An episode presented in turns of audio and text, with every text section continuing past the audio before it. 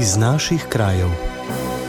Spoštovane poslušalke, cenjeni poslušalci, lepo pozdravljeni. V oddaji boste slišali o odprtju vrhniške obvoznice, postavitvi še enega montažnega mostu v občini Ljubno ob Savini, omejevanju prometa v Kransko-Gorski občini, praznovanju Slomškove nedelje v Mariboru in postavitvi novega stolpa na najvišjem vrhu v Prekmurju. Vabljeni k poslušanju. Radio ognišče v vašem kraju.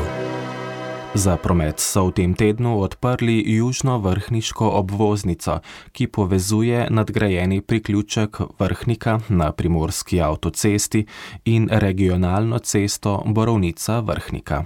Kaj vse bo razbremenila obvoznica, je za naš radio povedal župan Daniel Cukjati. Ta obvoznica oziroma priključek na avtocesto bo v prvi vrsti razbremenil uh, sam center vrhnike, ker se bodo, ko rekel, občani naše občine, torej iz naselja Vert in pa tudi občani občine Borovnica, preklapljali na Borovnico, ko rekel, izven mesta vrhnika in s tem, ko rekel, zmanjšali sam promet uh, v centru vrhnike. To je, ko rekel, dolgoletna želja vrhnčanov, da bi se, ko rekel, da bi vrhnika pridobila uh, preklop na strani Verda, ker se s tem preklopom tudi razbremni uh, cesta skozi naselje Vert, ki ga uporabljajo predvsem tovorna vozila, ki koristijo kamnolom Vert in pa tudi tovorna vozila, ki prehajajo v mesto Borovnica.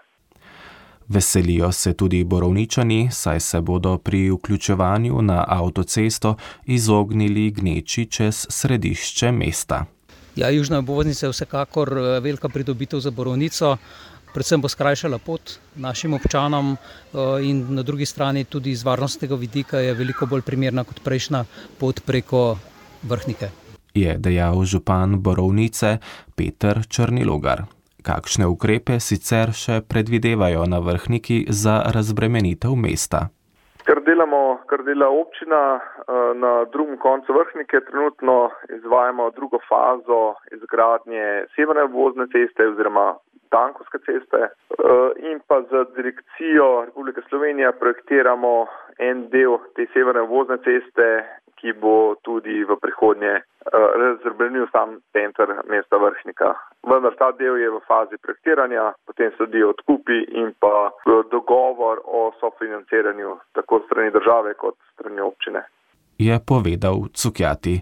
Projekt je ocenjen na skoraj 10 milijonov evrov brez davka. Prispevek sem pripravil Rok Mihevc. Radio ognišče v vašem kraju. V Rastkah pri Ljubnem ob Savinji so minulo sredo odprli nadomestni montažni most čez potok Krumpah, saj je prejšnjega močno poškodovala avgustovska vodna ujma. Postavili so ga češki vojaki in bo spet povezal naselja Planina Savina in Ter Planina. Čezem bo potekal tudi prevoz lesa, saj je postavljen na gozdnatem območju, pravi župan Franjo Naraločnik. Je pa gre za 27 metrov dolg most preko potoka Krumpah in bo služil kot povezava, kot sem že prej navedel, med temi naselji. Po drugi strani pa seveda tudi kot priprava za obnovo in rekonstrukcijo mostu, ki je bil v teh neurju zelo, zelo poškodovan in moramo dejansko še najprej odkopati do konca, da bomo sploh videli, kakšna je velikost poškodb na tem obstoječem mostu. Intenzivno se tudi ukvarjajo s čiščenjem strug. Zato smo tudi pridobili kar precejšno število težke mehanizacije.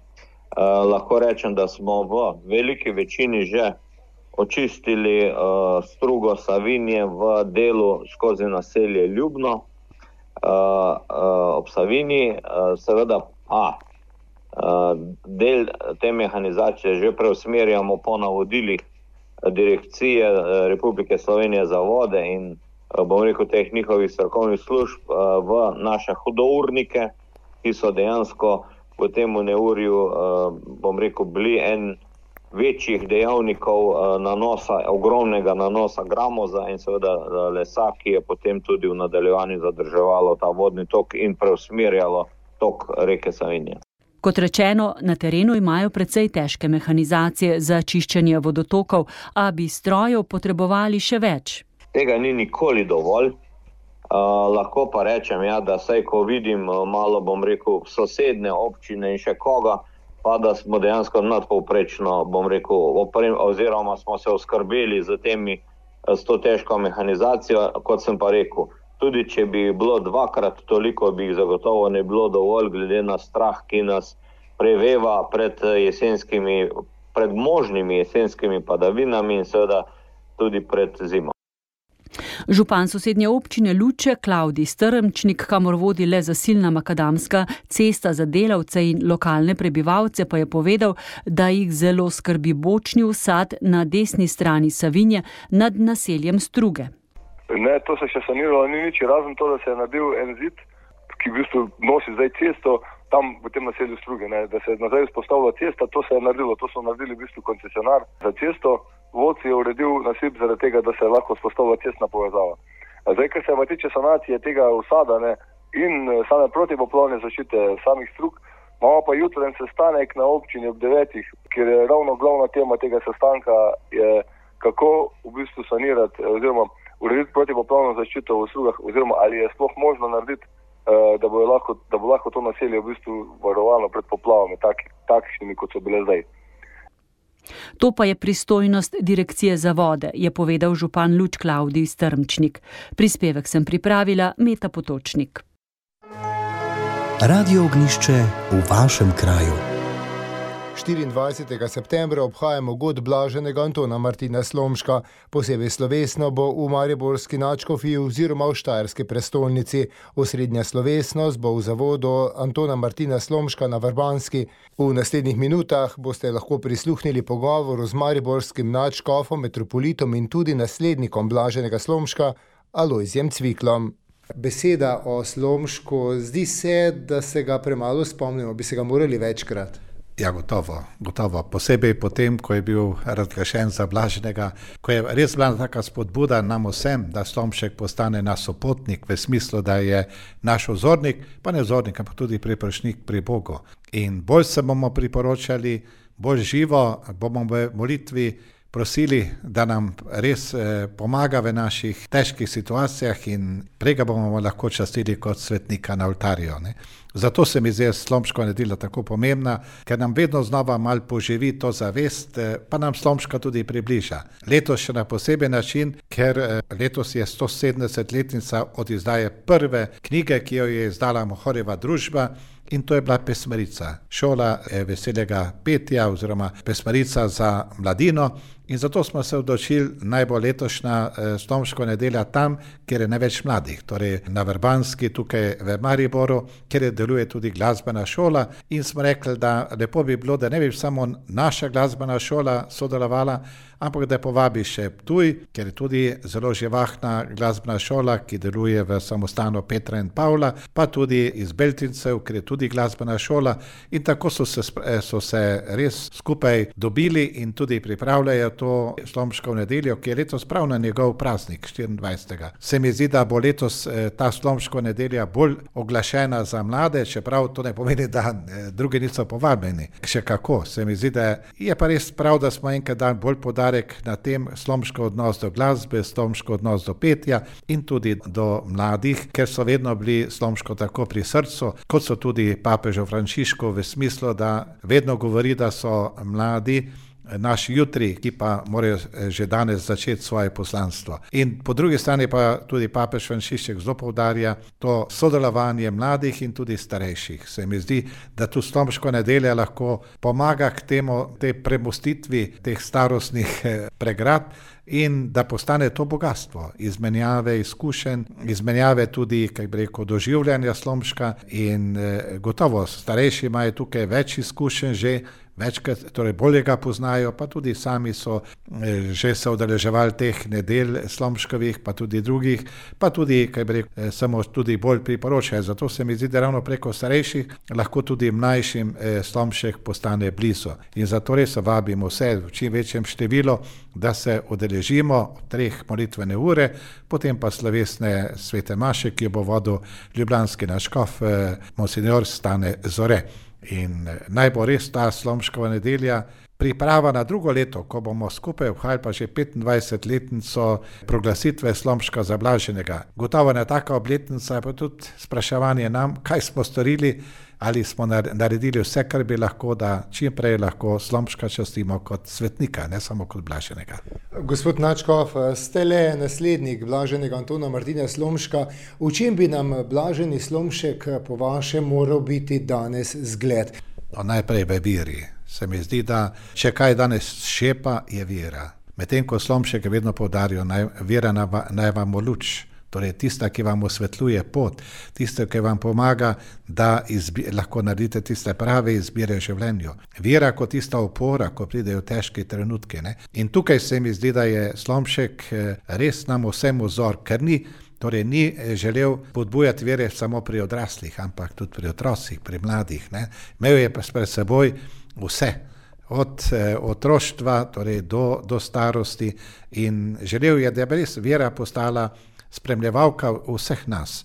In se mi zdi, da je tukaj prva, prva stvar, ki, ki dejansko še kako aktualna. Ker če bo vera živa, potem tudi v težkih situacijah, ki so vedno bolj, kaj bi rekel, naše spremljevalke, preizkušnje, ki nas vedno bolj nekako spremljajo, bomo lažje vse to premagali, če bomo, imeli živo vero. Ne? Druga stvar pa gotovo to, da je bil človek, ki je spodbujal občestvo, skupnost. Ne? In se mi zdi tudi danes, ko je čas individualizma, ko vsak vidi sebe, ko vsak podarja sebe, se mi zdi še kako pomembno to znati stopiti skupaj, biti eh, kot eh, ena družina, bratov in sester po naših župnijah, pa tudi, kaj bo rekel, širše kot škofija. Če bomo to doživljali, potem bomo tudi v tej situaciji, ki nek nek način doživljamo, na eni strani opad vire, na drugi strani, da se naša župnijska občestva po COVID-u, da so se zmanjšala. Ampak se pravi, če bomo imeli vero, če bomo gradili na teh občestvih, živih občestvih, potem bodo ta občestva tudi tista, ki bodo privabljala.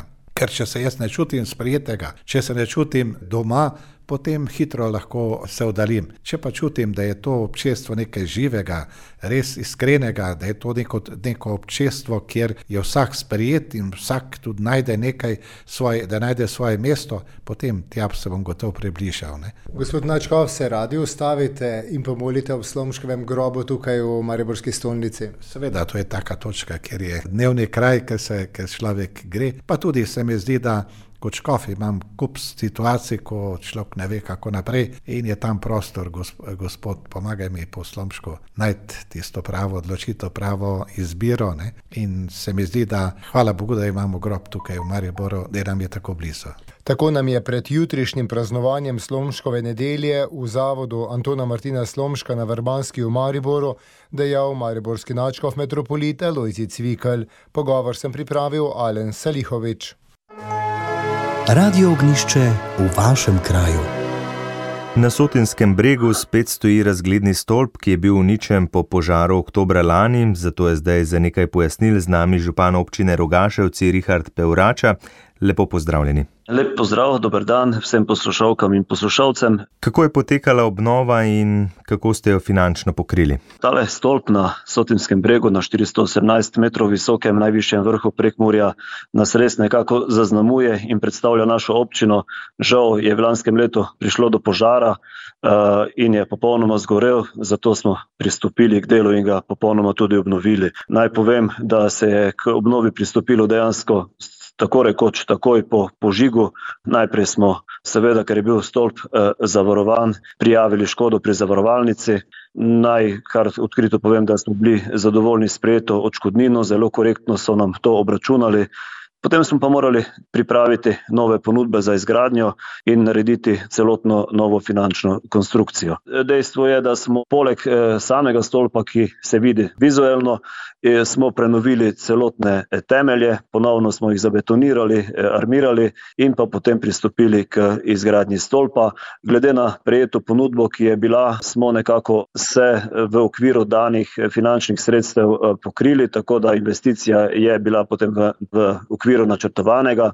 Je pa kot zanimivost naj povem, povzročilo za mig del oziroma eno manjšo zakasnitev pri delih digitalizacija. Namreč mi smo imeli načrt za stolp iz tistega leta 98 oziroma z 90 let, takrat, ko je bil zgrajen prvi in to je bilo na enem A4 formatu, na listu, ena skica je bila. Seveda, izvajalec je pa pristopil k delu na sodoben način, tako da so vse dele stolpa izrezali v delavnici na sodobnih CNC strojih in ko so se seveda želeli spraviti k zraven, k delu, so ugotovili, da je potrebno ta načrt digitalizirati. Zato so potem najeli enega Eh, eno podjetje, ki je celotno tole skico pre, preneslo v digitalno, digitalno obliko, da so lahko seveda v delavnici stol do potankosti vsak del izrezali. In ko so dejansko pripeljali ves material na lokacijo postavitve, je bil stolp dejansko eh, iz nič pa do najviše točke postavljen v enem dnevu. Prvi razgledni stolp je bil na tem mestu zgrajen leta 1998, leta 2009 je bil potem zamenjan, stoji na najvišjem hribu v Prekmorju. Zakaj je turisti po vaši oceni tako priljubljen? Stolp je dejansko postal neka atrakcija, eh, predstavlja naš kraj, našo občino, pa ne samo našo občino, ampak eh, ta del prekmurja. Dejstvo je, da stoji na najvišjem vrhu, na najvišji točki. Naj se še malo pošalim, eh, mi imamo v naši občini srečo, da imamo najvi, dva najvišja vrhova v občini. Niti kilometr zračne linije stran imamo sediški breg, ki je samo za dva metra nižji. Tako da se lahko v šali se vedno pohvalimo, da imamo oba dva najvišja vrhova prekmurju pri nas. Nekako je postal zanimiv uh, za kolesarje, za pohodnike, tudi za tiste, ki prihajajo z avti. Uh, leži v bistvu tudi na državni meji, tako da tudi strani, z avstrijske strani eh, pride kar nekaj obiskovalcev. Naj povem, da je cestna povezava tudi na avstrijsko stran, tako da vsi, ki ga eh, obiščejo, imajo možnost tako rekoč neke krožne vožnje ali pridejo iz Avstrije, pa ga pogledajo, pa grejo pri nas, eh, se spustijo v dolino ali pa obratno z naše strani navzgor. Ob lepem vremenu je dejansko en lep razgled po celem pomorju, pa vidi se tudi do, do pohorja. Eh, pa čez mejo na avstrijsko stran, pa tudi eh, proti Mačarski. Goričko, tudi prek morja širše, je obiskovalcem zanimivo tudi kulinarično. Kaj še ponujajo vaši kraji zanimivega za obisk? Dejansko ta stolp eh, nekako povezujemo, pa navezujemo z drugimi zanimivostmi v našem kraju, pa naj si bodo to naravne, zgodovinske, verske, kulturne eh, znamenitosti. Pri nas imamo vrtino uh, mineralne vode, pravimo iz latinski vrelec. To je vrtina, ki bruha mineralno vodo uh, iz globine uh, nekih uh, 80 metrov, uh, poleti po zimi z neko isto intenziteto. Tu je bil sicer namen, da se postavi tudi ena polnilnica. Isto takrat ni uspelo, je pa res, da je polnilnica sedaj na drugi lokaciji postavljena. Voda je eh, bogata z železom in dejansko tisti, ki jo poskusijo, jim je všeč. Potem naj povem, da imamo v občini en najstarejši eh, spomenik, ki je iz leta 1660, to je Peršev križ, to je kužno znamenje, oziroma postavljen je bil uh, turškim borcem, ki so se vračali z bojev, tudi pokopani so pod njim. Imamo dve eh, eh, cerkvi pri svetem Juriju, eh, cerkev svetega Jurija, zavetnika Viteza, ki je, se je boril s sulico in, in mečem, in pa cerkev svete Helene na Pertoči. Tega marsikdo ne ve, v najmanjši vasi v naši občini, to je Ocinje, stoji na pokopališču najstarejši zvonik, daleč na okolje. Naj, vemo, da je najstarejši v Pomorju, bi si pa upal trditi, da je tudi daleč na okrog v Sloveniji med najstarejšimi. Iz leta 1600 je tale zvonik, eh, ki še zmeraj služi svojemu namenu, in pa eh, ogrodje je pa bilo eh, obnovljeno. Poleg teh naravnih, kulturnih, verskih znamenitosti so pa seveda tudi Pri nas je možno zagotoviti neko gostinsko ponudbo, kulinarične eh, dobrote. Eh, ljudje eh, radi pripravljajo jedi, mesne jedi, zelo znani daleč naokrog so suhmesnati izdelki. V zadnjem obdobju, tudi v obdobju COVID-a, se je kar nekaj lokalov, malo, malo se zapirajo, po drugi strani pa imamo srečo, da se tudi novi odpirajo. Tako da na voljo je še kar takih zadev, od vin pijač, eh, hrane, eh, ki si jo eh, obiskovalci v našem okolju lahko privoščijo. Župan občine Rogaševci, Richard Pevrača, hvala za vsa pojasnila. Hvala vam in lepo zdrav vsem. Poslušalke in poslušalci, vi pa povabljeni v občino Rogaševci, da si ogledate omenjene znamenitosti, pa tudi širše v prekmorje, ki ponuja veliko zanimivega in lepega. Pogovor sem pripravil Andrej Šinko. To je bilo v današnji oddaji vse. Če ste je del zamudili ali pa bi prisluhnili še enkrat, jo lahko poiščete v našem audio arhivu oziroma med ponudniki podkastov. Sicer pa hvala za pozornost in nasvidenje do prihodnič. Poslušali ste oddajo iz naših krajev.